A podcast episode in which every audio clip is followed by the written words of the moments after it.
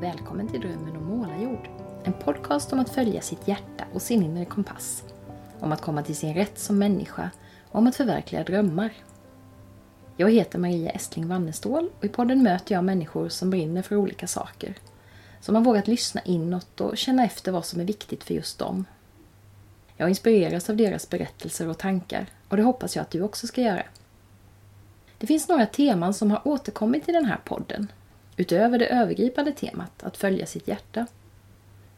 Du som lyssnat på många avsnitt känner nog igen teman som skrivande, yoga och meditation, stress och utbrändhet, en längtan efter att påverka samhället och göra skillnad.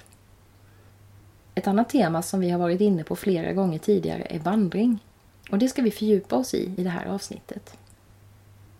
Du ska få lyssna på ett samtal mellan mig och Kim Falk som jobbar som vandringsguide i Pyrenéerna där han ordnar guidade vandringar i bergen. Kim och jag möttes en varm sommardag i skånska Klågerup där Kim växte upp. Så jag passar på att tacka hans mamma Karin för att vi fick låna hennes källare som inspelningsstudio. Jag fick också möjlighet att för första gången åka en riktig elbil som Kim lånade av Karin och kom och hämtade mig i. Och vet ni vad?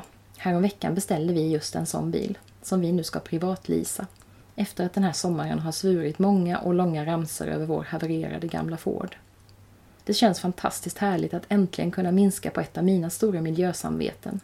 All bilkörning som det innebär att bo på landet med en stor familj med många aktiviteter. Jag får återkomma med en liten rapport när vi har kommit igång med vårt elbilsåkande. Men nu ska ni få lyssna på Kim. Välkomna!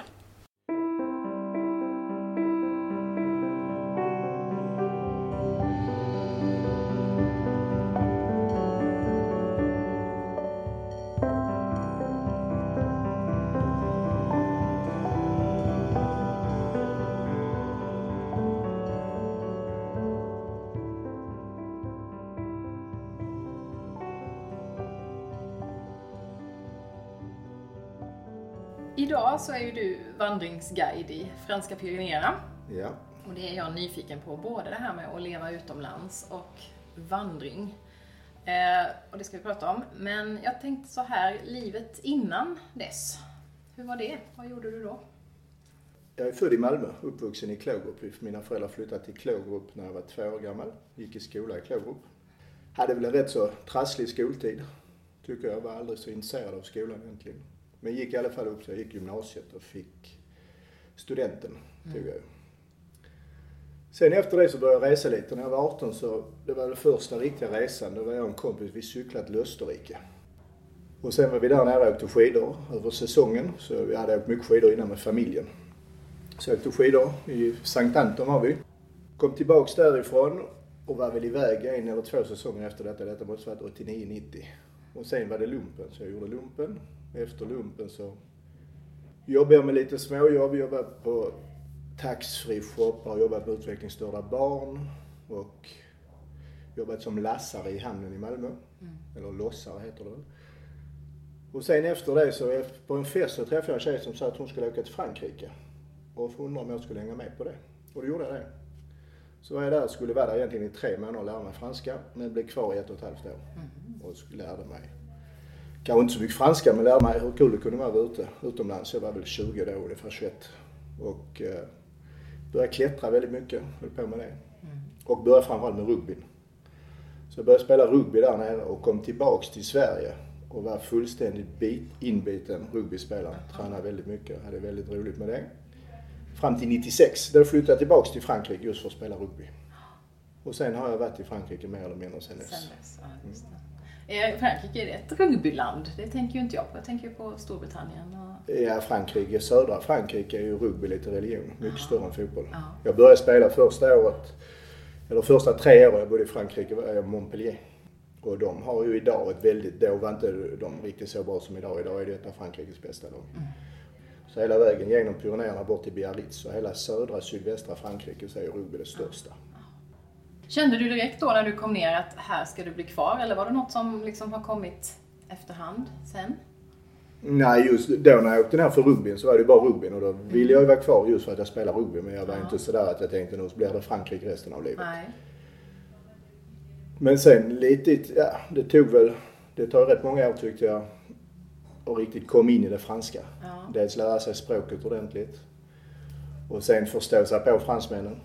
Det tar lite tid, de är på sitt sätt. Men eh, ja, sen bara rullade det på.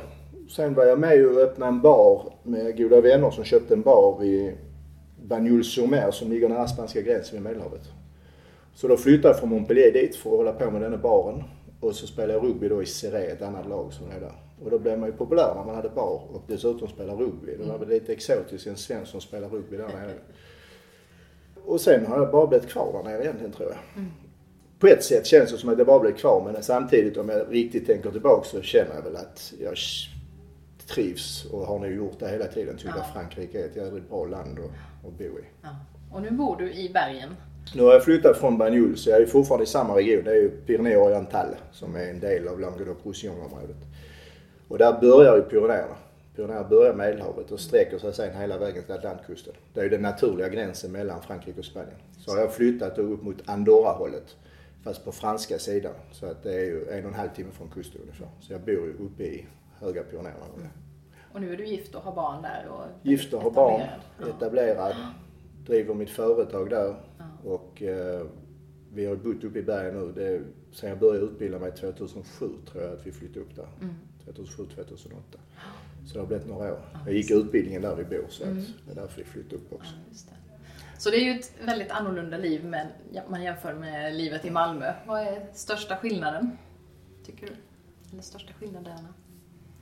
Ja, ska man ta det klassiska så är ju vädret stor skillnad mot Malmö. Vi har väldigt bra väder och klimatet är bra. Sen om man är, är som jag, alltså när jag slutade med rugbyn 2008, 2007, 2006, ja där omkring när jag slutade med rugby i alla fall, ålderns rätt, så ville jag hitta någonting att göra som kombinerar. Jag alltid hållit på mycket med idrott och alltid gillat natur. Så då tyckte jag det här med bergsguide, fick jag nys om det att det kanske man kan utbilda sig till och jobba med. Det var, visste jag inte att man kunde ens. Ja, då började jag utbilda mig där uppe. Och skillnaden, alltså gillar man det jag gillar så är det ju Mecka där jag bor. Alltså där finns allt. Där finns klättring, skidåkning på vintern, randonnée-skidåkning, sen är det klättring och där är canyoning, vandringar, allting som har med natur att göra. Ja. Och sen är du två och en halv timme från Barcelona och det är nära kusten så vill du ut och segla eller du vill surfa eller vad nu surfar inte jag så bra men så är det ju bara en och en halv timme att köra ner till Medelhavet. Just det. Så det är Så naturen är ju en stor Naturen skillnad. är fantastisk. Ja, ja, Stor skillnad. Och sen sättet man lever i Frankrike tycker jag är stor skillnad. Mm. Jag känner idag att det skulle vara väldigt jobbigt att flytta hem till Sverige. Där det krävs rätt lång anpassningstid tror jag. ja. Och det är något jag själv, alltså faktiskt de sista åren, väldigt mycket tänkt på. Vad är det egentligen som gör, vad är det jag själv tycker är bättre än Frankrike? Och det är svårt att sätta fingret på. Men jag har kommit på, tror jag, att fransmän är bra på att njuta av livet. De är bra på att leva. De har kanske inte alltid sådär jättebra om man säger rent livet i Sverige, Sverige är rikare än Frankrike kanske. Det finns fler i Frankrike som har problem med pengar. Det finns fler i Frankrike som jobbar hårt för rätt dålig lön. Det finns mer folk som har det jobbigt att få månaderna liksom och få det att gå ihop. Men de är bra på att njuta av livet. De är bra på det. Det finns inte så mycket, de bekymrar sig inte så mycket. Nej, det är lite mer det där se vad man har än vad man inte har kanske. Ja, på ett sätt. Samtidigt är det ett jädrigt gnälligt folkslag på ett sätt. För de, de strejkar gärna och de säger aldrig ja. ja. Man kan inte säga ja till någonting nytt utan att strejka först. Och sen blir det ju bra efteråt oftast. Men man måste ändå liksom säga att det här vill vi inte innan man går in på det. Nej. Men det, det är lite med glimten i ögat hela tiden. Det är inte så allvarligt. De tar sig inte själv på sådär jättestort allvar alltid. De kan vara väldigt så, ja, lyssna på mig, vi ska ut och vi ska blockera hela Frankrike. Och, och sen på kvällen så tar man en aperitif och så äter man tillsammans och så är allting bra igen. Och så. Just det. Det är lite speciellt. Ja, verkligen. Finns det något som du saknar från Sverige-livet? Ja, det är ju snus, kaviar och kräftor är väl... Ja, och sen familjen och gamla kompisar. Jag har Ja. väldigt många barndomskompisar Ja, som jag fortfarande har kontakt med, som jag har känt hela livet. Och det kan man ju sakna. Och man missar ju väldigt mycket när man bor utomlands. Mm. Så mina brorsöner har jag inte sett växa Nej, upp och klart. man träffar, igår träffade jag min, min eh, farbror som jag inte har sett på 18 år. Nej. Så det, och då, han bor i Åhus så det är inte långt härifrån men man träffar inte folk så mycket längre. Nej. Och det är lite synd. Det är tråkigt för man missar mycket. Det här att leva i en miljö där språket är an, ett annat än ens modersmål. Hur tycker du det är? Har det varit ett hinder för dig eller funkar det bra? Nej, jag tycker det inte det har varit ett hinder. Det är klart att i början var det jobbigt när man inte, nu pratar jag franska och alltså tänker på franska och tycker att franskan är lika, ibland till och med enklare än svenskan. Mm. Jag känner mig lite Robert Prytz-dum ibland att jag kommer inte ihåg vissa svenska ord och hittar på och det känns ju väldigt korkat. Det är inte så roligt. Men annars så, nej. Sen är jag bor i ett område också man kan säga, jag pratar ju, det hörs kanske att jag är från Skåne uppväxt där, det hörs ju rätt tydligt. Och Frankrike där jag bor, där har vi också samma accent så vi är också ja. lite Frankrikes bönder. Ja. Så det passar bra på mig det där med, det är samma. Ja, just det. Mm. Och dina barn, de växer upp som tvåspråkiga då?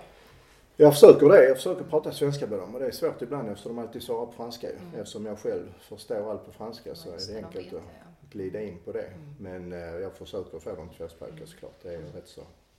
Det är en billig gåva att ge dem i livet. Ja, det är en bonus verkligen.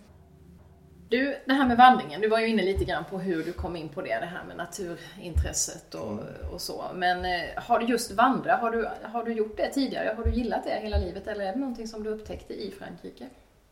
Ja, det har jag nog upptäckt. Vandra, alltså det låter ju lite så. Det är ju inte ut och gå. Mm. Det är det ju det det är. Mm. Och sen vandring blir det när man går en hel dag och för mig är ju vandring att vara ute i bergen, riktiga berget. Ja. Alltså om man ska gå på, här i Skåne har jag varit ute och gått mycket men jag har aldrig tänkt på att vi har varit ute och vandrat när man var scout och sa att ska ut och vandra utan vi ska ut i skogen och ha roligt bara. Mm. Och när man är yngre, jag flyttade ju från Sverige när jag var 22, 23 första gången. Det är inte den åldern man tycker där ut och gå är det mest spännande som finns. Alltså det är det ju inte. Men eh, igen, alltså naturen har alltid varit intresserad av. Vill man ut i naturen nu då kallar vi det, ja det är vandring, vi ska mm. ut och gå. Och då blir det vandring av det. Mm. Men för mig är det viktiga ju att vara ute. Vara ute och gå och röra sig och känna att, vara lite i kontakt med, med naturen. Mm. Och där jag bor idag är det ju enormt mycket natur. Det är ja. väldigt vilt och väldigt... Det är så nära till det där ja. ja. Vi bor ju mitt i det. Mm. Just det. När du bestämde dig för det här, var det, hade du liksom en tydlig strukturerad plan då? Eller gick du mer efter hjärtat och tänkte att det får lösa sig? Eller kommer du ihåg hur, hur det började? Liksom? Jag hade en tydlig 30-årskris tror jag för sena när jag började utbilda mig. Ja. och tänkte då får jag nu hitta på någonting som jag vill syssla med lite längre än alla andra jobb. Jag har jobbat på väldigt många olika, ja. alltså jag har jobbat i sportaffär, i barer och gjort väldigt många olika saker. Och denna gången kände jag att, eller jag kände nu får jag hitta på något som jag verkligen vill göra. Och att, jag, att det blev guide, det var ju att jag kom i kontakt med någon som började prata om att det finns ju, man kan jobba med det. Och det visste jag inte att det fanns Nej. överhuvudtaget. Jag har aldrig hört talas om att man kunde livnära sig som guide. Så att det var lite slump att det blev just guidande. Men mm. det känns ju idag så egentligen har jag väl alltid tyckt att jag har hattat fram och tillbaks lite. Aldrig kunnat bestämma vad jag vill göra, aldrig kunnat hålla fast vid någonting. Och det har känts lite fan Kim, nu får du skärpa dig och liksom göra som, som man ska göra. Att hitta ett jobb och liksom slå dig ner.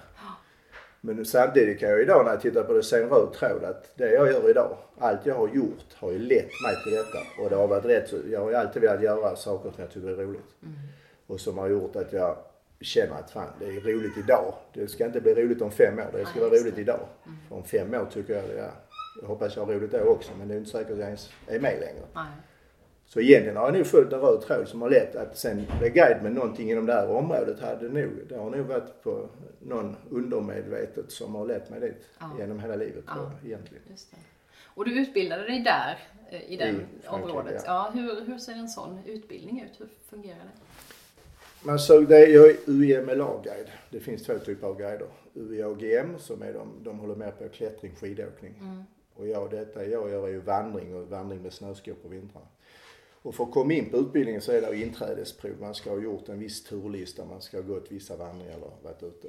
Så det höll jag på att förbereda mig för i ja, ungefär två år för att göra listan klar och liksom lära sig det man behöver. Mm. Sen är det inträdesprov och så klarar man det så det är lite orienteringsprov och lite ja, kunskap om naturen. Man ska, ja man har en jury, man sitter, ja inträdesprovet varar i två eller tre dagar var det. Och sen efter det kommer man in på en utbildning som var ungefär i två år. Men det är inte full tid utan man går vissa etapper. Så man går veckovis och sen går man praktik. Och, och sen i slutet har du då ett slutarbete du ska göra. Mm. Och, eh, och då slutprov. Och klarar man det sen så, alltså Frankrike har ju mycket att allt man jobbar med, man ska vara diplomerad. Så mm. i Frankrike får ingen som inte är diplomerad som inte har en utbildning får lov att ta med folk ut i Nej. natur, alltså ut i bergen och vandra. Där man måste, och den utbildningen det är ju att det är mycket med säkerhet, det är mycket med geologi, det är mycket fauna flora, det är mycket, allt som har med bergen att göra. Mm. Det. Och när jag började utbildningen så flyttade jag upp till berg just för jag tänkte att ska man jobba med detta så kan jag inte bo kvar nere vid kusten utan jag måste bo i bergen. För det är ju det här att jag lever i detta var Leva hela det livet, Ja. ja. ja. Och man lär sig ju något av att gå ut och skotta snö på vintern på morgnarna och se hur vädret rör sig och leva i den miljön hela tiden gör att man lär sig mycket bara från det. Man behöver inte vara ute hela tiden uppe i bergen men bara vara i byarna och röra sig där och se hur allting fungerar. Det gör att man får lite känsla för det, hur det är att vara i bergen. Tycker jag. Så det var därför vi flyttade upp direkt när jag började min utbildning. Just det. Och hur har du byggt upp din verksamhet? För idag så, så har du ju vandringar av många olika slag och sådär. Men hur, hur startade du liksom? Hur fick du igång det? Ja, jag fick ju igång det. Jag började ju direkt när jag var klar med utbildningen så hade jag bestämt mig för att jag ska försöka jobba med detta året om. Och det är rätt så svårt. Det är rätt tufft för säsongen. Franska säsongen är rätt kort alltså. Fransmännen har ju så här lite industrisemester fortfarande. Så det är ju mitten av juli till mitten av augusti och sen är det skidåkning på vintern. Så jag började rätt så, jag jobbade inte mycket i början, hade inte mycket vandringar i början utan jag försökte driva det lite. Man fick leva snålt och försöka få det att gå runt bara. Och sen utbildade jag mig också till pistör, alltså livräddare. Utbildade mig till för att jobba i skidstationerna på vintern som livräddare. Så det gjorde jag då i de första fem, sex säsongerna så jobbade jag vinterhalvåret med det. Okej. Och så vandring bara på sommaren. Och sen idag nu så kom jag ganska så snabbt fram till att jag tycker det är kul att vara i bergen och jag är rätt bra på att vara ute i bergen. Men jag är inte så bra på att marknadsföra mig själv och sälja in resorna direkt till, till svenska. Min, min stora marknad idag är ju svenska eller skandinaver danska svenskar mm. men.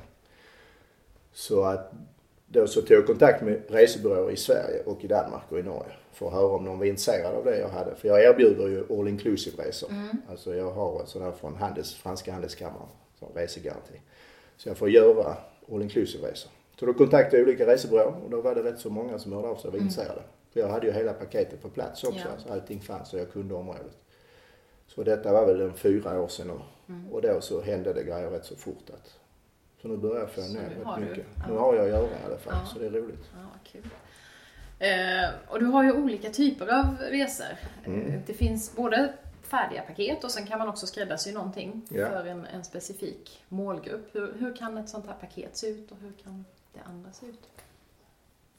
Ja, det kan se ut hur man vill egentligen. Det är ju skräddarsytt så det är det kan vara att man vill sova i tält, att man vill gå längre turer, att man är lite mer van vid att vara ute. Men att man vill ha en guide som, alltså fördelen med att ha en guide med sig, det finns ju många som är väldigt duktiga att gå i berg och är ju duktiga på detta. Men det kan vara bra att ha någon som kan området och kan berätta lite om allt runt omkring också. Hur livet är där och, och historien på området. Just det, det finns en sån aspekt i det också. Ja, det är inte bara att gå. Alltså, jag går ju inte tyst längst fram och jag är dessutom ganska snackig. Så att jag berättar ju lite om området när vi går och förklarar lite hur det, vad det är för toppar vi har runt om och Ja. så lite fauna, flora, geologi och allt det. Men och sen kan det vara, jag har många resor, det finns olika även på de resebyråer jag jobbar med har ju olika nivåer. Så Ja. vissa vandringar är enklare. Vi kanske går fyra timmar på dagen och sen besöker vi någon gammal borg eller vi besöker eller det är mer, alltså 50% kanske aktivitet och sen 50% är mer kulturellt. Vi går ut och besöker ja. eh, Ja. ostfabriker eller ja, och så äter mycket. Och, det gör vi på alla resorna, äter och dricker mycket. Det hör ju till. Vi är ju i Frankrike. Ja, det är klart. Eller så kan det vara att man vill ha bara fokus. Jag har ju haft någon trailrunning resa också. Och då kommer ju folk där och så springer vi Mm. var dag. Så det blir, en, det blir rätt mycket springa där. Mm. Och det är en helt annan målgrupp. Det är folk som vill ta ut sig som är där bara för det. De är inte så intresserade kanske av det här med blommorna eller att titta på gamla byar och så här. Utan då är det mer, då är man där för att ta ut sig. Mm.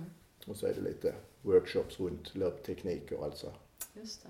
Så det finns både de här mer lugna och kanske lite mer sevärdhetsvarianterna och sen de här lite mer äventyrliga Ja. typerna också. Jag läste också om någon där, där du hade jobbat tillsammans med någon och ni hade övningar och reflektion och sådana saker.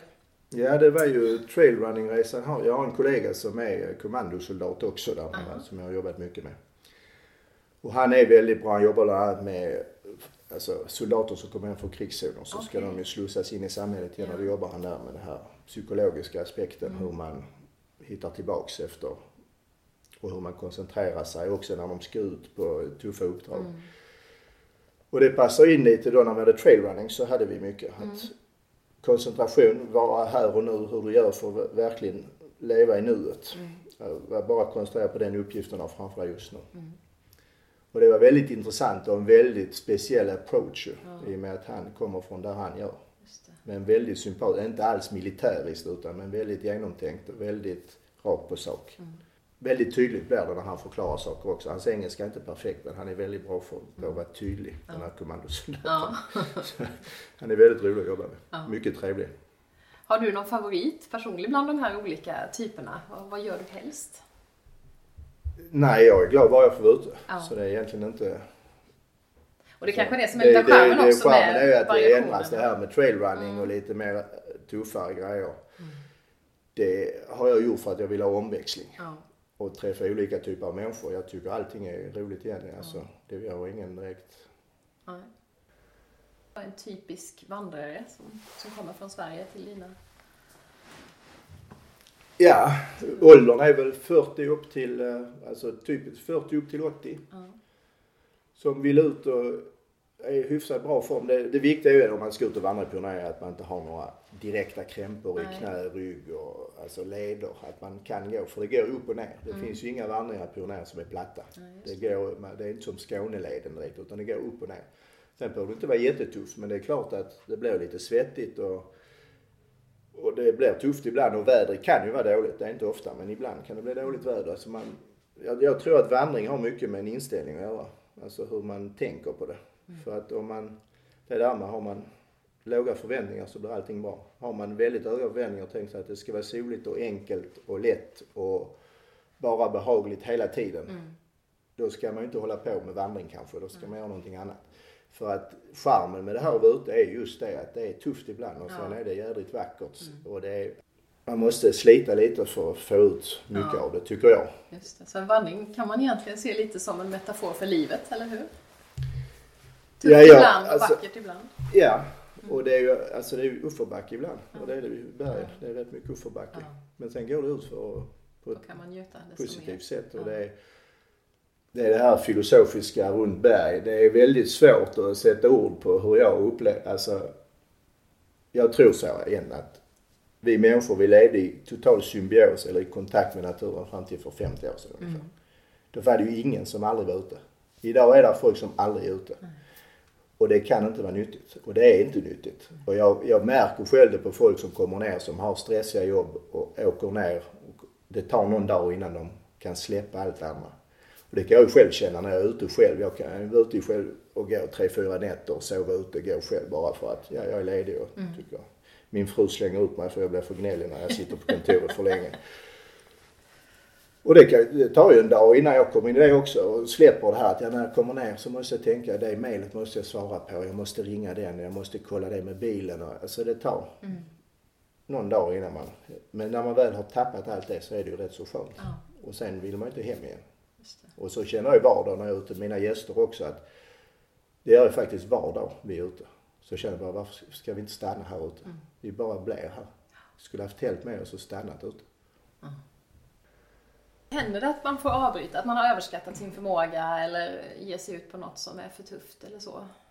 Ja, alltså det som är viktigt när man åker på en vandringsresa är att man, får, man kan ringa resebyrån eller ringa mig direkt. Re, alltså resebyrån har ju mitt nummer om det är ner till ska. Och prata med mig. För det finns alltid en resa som passar. Men det gäller bara att hitta rätt. För det är inte roligt om man kommer på en resa som är för tuff och det är inte roligt om man kommer på en resa som är för enkel.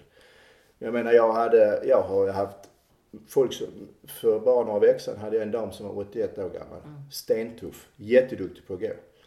Och det är klart att jag när jag ser att jag har någon som är 81 år gammal tänker detta kan bli tufft. Då blev det ju inte det i detta fallet för hon var med och klättra och allting. Hon var sten, alltså riktig form och positiv och helt inställd på detta. Men det kan ju också bli att man ner folk. Det har ju inte egentligen så mycket, detta säger mest för det har inte så mycket med åldern att göra. Man kan visst ut och vandra när man är 75, 80, 85. Det är inget problem. Bara man är beredd på, alltså om man har den inställningen, detta klarar jag. Men är man dåligt tränad så är det klart, då är det inte så roligt att hänga med folk att man alltid är sist. Nej. Det är klart att jag går inte ifrån folk, alltså vi håller ihop. Det är ju det det går ut på också. Det är lite teamsport Ja. och vandra. Man håller ihop. Och vi väljer ju inte tempo efter den snabbaste. Jag väljer ju tempo efter den som går långsammast. Och ser till så att alla känner att de kan vara med. Men det är viktigt att man själv, det är inte så roligt för den personen som känner att det är jag som är sist en hel vecka. Det är inte så skoj ju. Utan då är det ju viktigt att man kommer på rätt resa och det kan ju resebyrån hjälpa er Ja, Och jag också, om de ringer mig så kan jag ju liksom rådgöra lite att den här resan kanske är tuff, du kan ta den istället. Ja, ja, just det. Du, det här med närvaro pratade du om. Är det någonting som du har lärt dig av vandrandet eller var du bra på det redan innan? Att inte vara så mycket liksom i tankar bak och fram utan... Jag har väl alltid levt i nu, alltså tyckt att jag har planerat inte så väldigt framåt. Det har jag aldrig gjort. Utan jag vill ha roligt nu och känna att jag mår bra just nu. Ja, Och jag har ju provat en massa olika jobb och aldrig, där jag inte har trivs. Just och det har jag aldrig, jag har inte kunnat gå längre utan när jag inte har trivs har jag slutat. Mm. Och tänkt att det är bättre att göra någonting annat för det kan ju inte vara rätt att varken för mig eller för den som anställer mig att jag ska gå här och inte vara i form. Det är inte bra. Men jag har alltid varit väldigt intensiv, så när jag var yngre med saker jag gjort. Alltså att, som när jag höll på med rugby, då var det bara rugby. ja. Innan dess när jag klättrade var det bara klättring. När jag åkte skidor var det bara åka skidor. Och idag när jag har barn och blivit lite äldre så den flamman är ju svårare att hålla uppe och bli sådär insnöad på någonting. Det blir tuffare. Man får jobba hårdare idag tycker jag för att hålla, alltså ett intresse är lite så att ju mer du gör ju roligare blir det. Ju mer vill du göra. Det räcker att man håller upp med någonting nu tycker jag. Om jag inte om jag är skadad eller så jag inte kan vara ute på en månad. Så är det tuffare att komma igång igen tycker jag. Men om jag bara håller på så vill jag bara mer och mer och mer. Så jag har alltid varit intensiv så, men med åldern blir det väl lite, man har ju lugnat ner sig lite på det. Tycker jag. Ja. Men, men inte, jag har inte blivit helt lugn än i alla fall. Nej. Du, du var ju inne på det här att du kan ge dig iväg och vandra även när du är ledig. För jag tänker att för de flesta är ju vandringen ett fritidsintresse. Du har det som jobb. Men Mm. är det det du helst gör när du är ledig också? Eller har du liksom annat som du gärna vill göra när du väl eh, är nere från Ja, när jag har i högsäsong, jag jobb, som nu har jag jobbat fyra veckor nonstop. Och då jobbar jag väldigt mycket när jag jobbar. Alltså, då är det ju varenda dag, sju dagar i veckan och är med gästerna hela tiden. Och blir många timmar.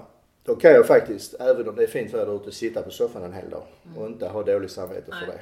Men det räcker, det går någon dag, sen får jag ut. Alltså allt jag sysslar med är ju, jag klättrar mycket, jag vandrar, jag springer, jag åker Allting har ju med att vara ute och göra, cykla och mountainbike och Ja, jag gör mycket olika men allting har, den röda tråden är att vara ute och röra sig. Och det är det egentligen jag är bra på. Alltså som jag alltid, när jag, eftersom skoltiden var rätt så jobbig och så har jag alltid hållit på med idrott och varit rätt så duktig i det. Alltså det blir man ju, om man håller på mycket blir man duktig. Det är ju så träning ger ju, märkligt nog är det så att ju mer man tränar ju mer tur har man. Nej, men, Ja. och det är också någonting som egentligen genom åren, jag har haft lite perioder där det har känts lite Alltså i samhället idag, om man inte är elitidrottare, vilket jag aldrig riktigt har varit. Alltså så jag har kunnat riktigt leva på det. Då är det ju inte så viktigt det här med idrott, utan det viktiga är att jobba, tjäna pengar, ha en stabilt. Och eftersom jag då har varit bra på det där andra som egentligen inte är så viktigt. Så har det varit rätt tufft ibland att tänka att Kim fortsätt på detta, du trivs med detta, det fungerar. Du jobbar bredvid, som jag gjorde förr. Man hade ett jobb och sen all min lediga tid gick till att träna eller hålla på med något jag tyckte var roligt. Och det är inget direkt man får gehör för ju alltid från omgivningen. Jag menar när jag sa till min mor nu ska jag flytta till Frankrike för att spela rugby. Det var inte så att fransmän väntade på en svensk rugbyspelare med öppna armar. Utan när jag kom dit så sa ju de i Montpellier, alltså det var ju rätt hög division. De sa du får hitta en annan klubb. Ja. För att här får du inte spela. Så sa jag, ja, men jag vill lära mig. Så jag tränade med dem i ett år. Fem gånger i veckan. Plus var med på alla matcher och titta på. För jag fick inte ens sitta på avbytarbänken. I ett helt år. Det är jäkligt länge. Ja. När man inte får lov att spela. Och det enda man tycker är roligt i livet är att få spela. Så jag bara tränar. Och sen kom jag med i laget. Men när jag berättade detta för min mor att nu ska jag åka till Frankrike och spela rugby. Det var inte så att hon sa vilken bra idé Kim. Det låter jättebra. Och så har det ju varit hela tiden att man Att ett visst motstånd mot Ja, att få... mitt motstånd är att det är lite konstigt att Ja. göra så här. Ja. Särskilt det funkar väl när man var eh, 18 och skulle cykla till Tyskland tyckte det var, eller till Österrike och tyckte det var en rolig grej. Då var det liksom, ja ja, gör det och sen kommer du hem och ska du plugga. Och gör det där jobba. ordentliga sen ja. ja visst. Och sen gjorde jag aldrig det där ordentliga, det blev ju inte utan jag fortsatte ju på den banan hela vägen. Och gör väl egentligen, nu jobbar jag, jag har ju företag och det, men eh, Ja, det är inte så att alla har stått och applåderat bredvid alltid och tyckt att det är en jättebra idé Kim. Så är det inte. Eh, vad, vad, tror du, varför har det blivit så populärt det här med att ge sig ut och vandra? För det är det ju om man jämför med ett antal år tillbaka. I alla fall hör man mycket mer om det. Ja. Går kaminon och sådär. Vad tror du? Det sitter i generna hos oss, mm. tror jag. Detta är alltså, det behöver inte vara vandring men överhuvudtaget vara ute och röra sig och vara ute i naturen. Jag har ju folk idag jag ska inte säga svenskar, för svenskar vi är ändå hyfsat mycket ute tycker jag, de flesta. Särskilt de jag träffar kommer ner för att vandra och de flesta har varit ute för. Men när jag jobbar med franska ungdomar eh, så har jag ju folk som kommer från Marseille, Toulouse, Bordeaux som aldrig har varit ute. Nej. De enda träd de har sett är en park. Mm. När de, de har aldrig sett en ko. De kan inte gå. Det finns vissa barn, eller 12-åringar som inte kan gå. Nej. Ja, de får skoskav efter två timmars gående för att de har bebisfötter, de har inga muskler. De har sådana, ja du vet hur bebisfötter ser ut vet du, så lite tjocka, rosa. Där finns inte muskler för de har aldrig gått. Sen finns det ju de som spelar fotboll, särskilt i Marseille har jag, det är ju väldigt blandat. Du kan ha ungdomar som är i väldigt bra form och är vana vid att spela fotboll. Mm. Även om de aldrig varit ute så är de väldigt rörliga. Men sen finns det många som, mm. de kan inte gå. Mm. Alltså, och det är ju rätt så hemskt. Mm. Men är det någon längtan tillbaks till det här ursprungliga då som, som tror du som har ja, det, jag är... upp nu då? För det, I alla fall så uppfattar jag det som att det känns som att det är många fler som Ja, jag tror att man, ja, jag tror att vi kommer tillbaks till det där lite.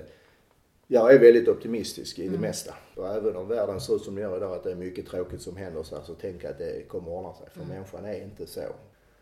Vi kommer förstå vad som är viktigt och detta är lite tillbaks till ursprunget på något sätt. Så jag mm. tror att folk idag känner att man behöver det. För vi lever i en värld som är det är mycket stress och det är mycket artificiella saker. Ingenting känns naturligt längre. Mm. Så jag tror att man söker sig tillbaks till det Nej, lite äktheten. omedvetet. Att det ska vara lite äkta, det ska vara mm. gammalt. Det är som för 50 år sedan var helt självklart för alla mm. människor. Känns ju idag väldigt exotiskt. Mm. Och det har ju gått väldigt snabbt. Alltså 40-50 år. För att få det här, oh nu ska vi gå ut i skogen. Och, oh vad spännande. Men för 40-50 år sedan så var det ju ingen som tyckte de skulle gå i skogen. Men spännande, ja det är skönt. Då gick man till skolan. Ja man gick alltså man var ute bara. Ja. Så jag tror att vi, att något, att folk undermedvetet på något sätt, man söker sig, att, många gör det ju medvetet också, men att man idag, och jag tror det kommer, det, jag hoppas och tror att det är inte bara någon fluga utan vi Nej. kommer gå tillbaks till det mer och mer. Det kommer, ja. fastnar ja. ja, ja. Precis. Och folk förstår att man mår bra av detta. Ja. Och, du pratade ju tidigare om det här att hitta en, en alltså hitta rätt på något sätt, att hitta rätt form eller rätt nivå på det. Och mm. jag tänkte jag ska ut och vandra nu i Jämtlandsfjällen, också en guidad eh, vandring i september. Men är det något sådär du tänker, det här är också bra att tänka på när man ska ge sig ut? Jämtlandsfjällen? Ja. Mm, myggmedel kanske? Myggmedel, ja just det. det, det har ni inte så mycket problem med. Det kan du tänka på att ta med. är det något annat man, som, som ja, är bra? Man vad man ska tänka på det är du ska ju träna lite innan gärna, mm. gå lite. Och då är det ju inte gå ut och hämta posten som, alltså man får ut och röra sig lite. Gå. Ut och, och faktiskt vara borta några timmar. Och... Ja, och kanske man kan ha en rygg. Många säger man behöver gå med ryggsäck och man ska mm. träna som tusan. Det är inte så mycket utan du behöver ett par bra vandrarkängor. Ja. Alltid kängor ju. Inte gympaskor utan mm. kängor som går upp över anklarna. Och Jämtlandsfjällen behöver du kängor som är täta för att det mm. är vatten. Ja, just du skaffade det igår. Ja, så. jättebra. Det kan vara bra att gå med dem innan gå in dem till september tänkte jag. Och sen kläder mm. behöver man ju ha rätt så bra. Mm. Alltså, du behöver ju, vi behöver inte gå in i exakt detalj, det är så individuellt också. Va? Ja. Men det jag tycker är absolut viktigast, det är ju, alltså gå kan alla människor. Mm. Om man inte har fysiskt handikapp så kan man gå. Och gå kan man göra en hel dag. Alla kan gå i 12 timmar. Mm. När det går upp och ner, då, då får man gå långsamt bara. Och ta pauser. Det är inte med, alltså gå kan man. Alla människor kan gå. Men det man behöver är ju, det är ju inställningen, lite jävlar anamma. Mm. Det är ju bra när man ska ut och gå. Om man inte är så van heller så ska man tänka på det att mm. detta är roligt. man ska ha den mm. inställningen. För att jag kan ofta ha folk som säger, åh nu är det jobbigt och mitt hjärta slår. Alltså hjärtat slår så hårt. Mm. Det är ett rätt gott tecken. Jag tycker alltså när det slutar, ja, när det slutar slå då vill jag gärna veta det. För då börjar det bli problematiskt tycker jag. Men jag menar mitt hjärta slår också rätt hårt när det går även om jag är van. Och det är jobbigt. Men det är ju det som är charmen i det, ja. att det ska vara lite blandat. Ja, det är det där med livets ja, upp, och, ja, upp och ner. Nedgångar, ja, även under vandringen. Ja. Men annars så, vad som kan vara bra också när man åker eh, någonstans det är att titta lite på kartor innan. Mm. Veta lite var man är när man kommer dit. Sen har ni väl guide med? Nu har vi guide med oss. Och då kommer jag kunna berätta. Men det är rätt kul att ha lite övers, alltså veta lite hur det ser ut redan när man kommer dit. Mm. Och veta okej nu börjar vi gå här. Om vi ska i detta området och ligger det så. Ja, väderstreck, ha lite koll på hur Ja, just det. området Kan ser man få ut. ut ännu mer av Ja. upplevelsen. Då är det lättare att hänga med på när han berättar sen också. Ja, så det ska bli roligt. Om du skulle vilja sammanfatta, vad är det bästa med livet just nu som du lever i Pyrenéerna? Ja, om man säger rent, alltså jag har väldigt svårt att tänk, tänka mig att någon skulle kunna erbjuda mig ett jobb idag eller en aktiv, något jag ska syssla med oavsett hur mycket de vill betala eller som jag skulle vara beredd att säga okej, jag skulle inte byta det mot någonting det jag har. Jag har alltså riktigt, jag tycker det är riktigt roligt det jag sysslar med. Det är väldigt, eh, jag menar jag gör samma sak när jag jobbar som när jag inte jobbar. Nej, just det. Sen är det att driva företag i Frankrike, det kan man ju tycka ibland att det, där skulle man kunna förenkla ja, vissa det kan saker. vara en baksida kanske. Men det får man ju ta. Ja. Det är rätt charmigt ibland också men det kan också vara väldigt frustrerande. Mm. De är väldigt bra på att vara dåliga på pappersarbete. Ja. Men det är väl inte helt enkelt i Sverige heller kanske att driva Nej, det, det har jag också. Ja. Stångat huvudet i väggen emellanåt. Ja. Men det är kanske den, är det den enda baksidan eller finns det annat som du tänker att Nej, du det är, vara utan? nej, inte egentligen. Det är ju det att jag saknar ju kompisar och familj i Ja, Sverige. Det kan man ju sakna. Men annars så tycker jag att jag har det riktigt bra. Mm. Och Frankrike är ett land som jag tycker är värt att... Alltså det är mycket som är frustrerande i Frankrike och där Mm. de har mycket idéer om saker och ting. Eller man, men i det stora hela tycker jag det är ett folk som Mm. vet hur man lever. Mm. Det vet jag. Det gillar jag. Så framtiden nu, det är att fortsätta göra det du gör? Det är fortsätta göra det jag gör och förhoppningsvis göra det ännu mer. Ja. Få fler gäster som kommer ner och vill uppleva Pyrenéerna. Mm. För Pyrenéerna är klart värt, alltså de flesta svenskar vet ju, det är lite som Rocky Mountains. Mm. Att man, det låter väldigt exotiskt men det är inte så många som egentligen vet hur det ser ut och vet hur det är där. Alltså. Nej, man åker ofta till franska rivieran eller Paris. Ja. Det är väl det som Ja. lockar de flesta. Eller Alperna om man ska åka Ja, skidor i. Alperna. Och det är klart att Pyrenéerna har rätt mycket att erbjuda både Mm. sommar och vintertid. Och det är klart värt. Och sen är det ju fördelen med om man ska vandra. Så Österrike är fantastiskt vackert att vandra i också.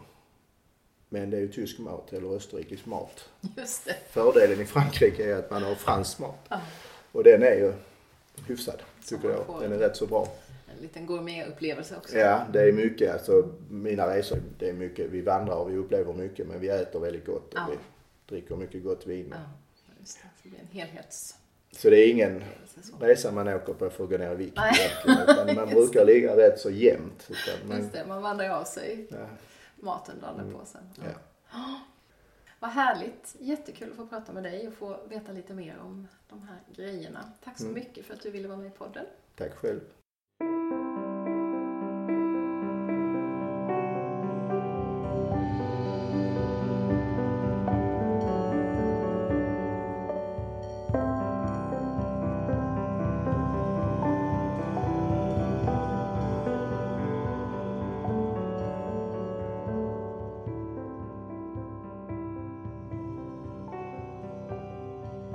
Lyssnat på ett samtal med Kim Falk. Kanske blev du själv sugen på att göra en vandringsresa till Pyrenéerna. Och då kan jag verkligen rekommendera Kim. Jag har inte själv varit med honom i Frankrike, men min syster kom nyligen hem från en sån resa och hon var kolossalt nöjd med allt ifrån vackra vyer, sköna fysiska utmaningar, Kims stora kunnande och fantastisk mat. Du hittar Kim och hans vandringar på www.propy.se Ingen skulle kunna erbjuda mig ett jobb som jag hellre skulle vilja ha än detta. Ja, ungefär så sa Kim i vårt samtal. Och det där känner jag igen mig i. Det finns verkligen ingenting jag hellre skulle göra än det jag gör just nu. Att se min webbkurs om att följa sin inre kompass växa fram. Att jobba med den här podcasten. Att leda samtalscirkelträffar som människor längtar till. Att tillsammans med min dotter Sanna arbeta med böckerna om Lovis ansjovis. På torsdag ska vi göra vår andra stora intervju om den långa och stundtals väldigt mödosamma vägen dit. Och häromdagen fick vi besked från förlaget att vi får ge ut bok nummer två. Jag önskar så innerligt att fler människor skulle känna att de jobbade med någonting där de verkligen fick komma till sin rätt och känna arbetsglädje. Att inte ständigt längta till stunderna då man inte är på jobbet. Att inte bara leva för de där årliga semesterveckorna, utan ha roligt under en mycket större del av livet. Att kunna njuta lika mycket av en måndagsmorgon som av en fredagkväll. En annan sak som Kim pratade om och som jag också känner igen mig i, det är det där med att det på något sätt ändå finns en röd tråd, om en undermedveten, i hans liv. Och att allt han har gjort har lett fram till det liv han lever idag. Ann Elmberg som jag poddintervjuade i avsnitt 3 var inne på samma sak. Att hon känt att hon haft nytta av allt hon utbildat sig till och alla tidigare jobb hon hade haft när hon började bygga upp och så småningom driva kursgården i Mundekulla. Och när jag nu sitter här och jobbar med min webbkurs har jag enorm nytta av åren som forskare och lärare på universitetet. Utbildningar som jag har gått och aktiviteter som jag och Sara har ägnat oss åt under åren med vår verksamhet Livstid, de är också ovärderliga. Liksom alla poddsamtal som har gett insikter och tankar som jag nu kan använda. Häromdagen kom jag på att mina kunskaper i engelska kommer att hjälpa mig den dagen jag eventuellt vill lansera kursen utanför Sveriges gränser. Kim och jag pratade också om vandringen som metafor för livet. Att det är tufft ibland och att man då också kan njuta desto mer när det är nedförsbacke och man kan betrakta de vackra vyerna. Det där med vandringen och livet, det blev väldigt tydligt för mig under min egen vandring i Jämtlandsfjällen i september. Ibland går det upp, ibland går det ner. Ibland lyser solen, ibland strilar regnet. Ibland är vyerna vackra.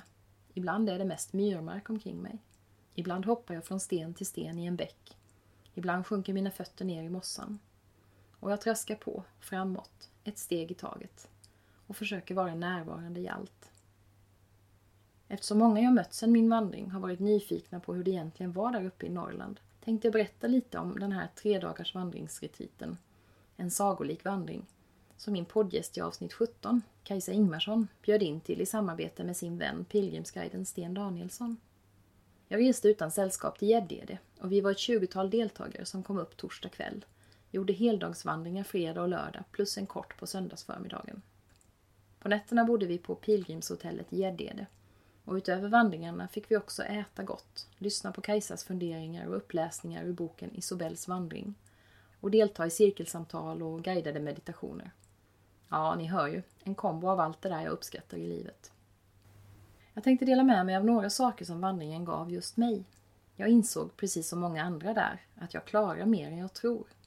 Med staven och mina medvandrare som stöd och energigivare så gick det bra. Jag fick gott om acceptansträning. Som när jag efter åtta timmars tågresa insåg att jag hade ytterligare tre timmars minibussresa framför mig. Det hade jag missat. Eller under en lång klafsig vandring på myren då regnet strilade uppifrån och mina vattentäta vandrarkängor till slut gav upp och fylldes av väta. Jag hittade en ny själsyster. Vi hade båda missat att man skulle anmäla om man ville bo i enkelrum, vilket vi egentligen båda hade föredragit. Men nu bodde vi tillsammans och under de här dagarna insåg vi att det förstås var meningen att vi skulle hitta varandra. Jag tränade mig på att släppa kontrollen, helt i händerna på någon annan som bestämde vandringsrutt och pauser för vila och mat. Väldigt nyttigt för mig. Liksom Facebook-detoxen jag ägnade mig åt från torsdag till söndag. Det blev väldigt tydligt för mig hur mycket av de ramar vi lever efter som bara är påhitt av oss människor. Som tiden. Under de här vandringarna hade jag ingen aning om hur mycket klockan var från det att jag gick utanför hotelldörren tills jag klev in genom den sent på eftermiddagen. Så befriande att inte vara styrd av klocktiden. Och samma sak med nationsgränserna. Ena dagen hade vi plötsligt vandrat in i Norge utan att märka ett skvatt. Jag som är en pratkvarn i så många sammanhang njöt kolossalt av de många timmarna jag vandrade i tystnad. Och jag valde faktiskt ofta tystnaden även när den inte var påbjuden. Malde på steg för steg och lät tankar och känslor, inte bara behagliga sådana, komma upp till ytan och vandra vidare.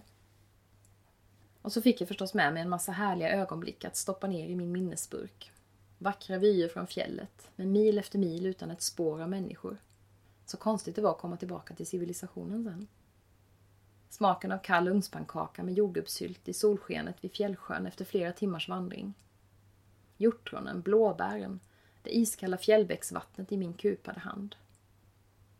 Renarna som ställde upp sig och tittade ner på oss från bergskammen.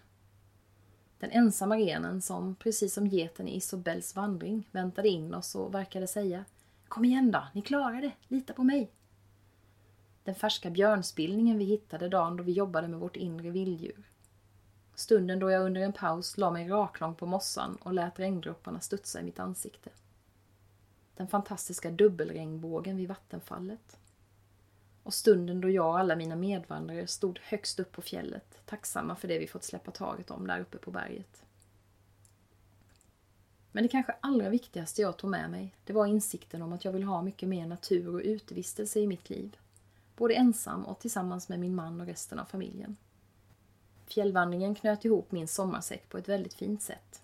Den förstärkte somligt som jag redan kommit till insikt om. Och den gav mig nya nycklar också.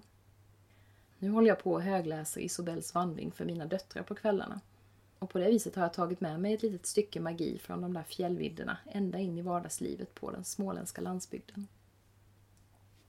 Nu lider det här poddavsnittet mot sitt slut och jag hoppas att det har gett någonting till dig som har lyssnat. Nästa gång ska du få möta Ann-Kristin Rut. Ann-Kristin levde under många år som prästen Åke Roxberg. Men för ett antal år sedan bestämde hon sig för att börja leva efter sin riktiga identitet. Du får ta del av den resan och det liv hon lever idag i vårt samtal. Varmt välkommen tillbaka. Hejdå!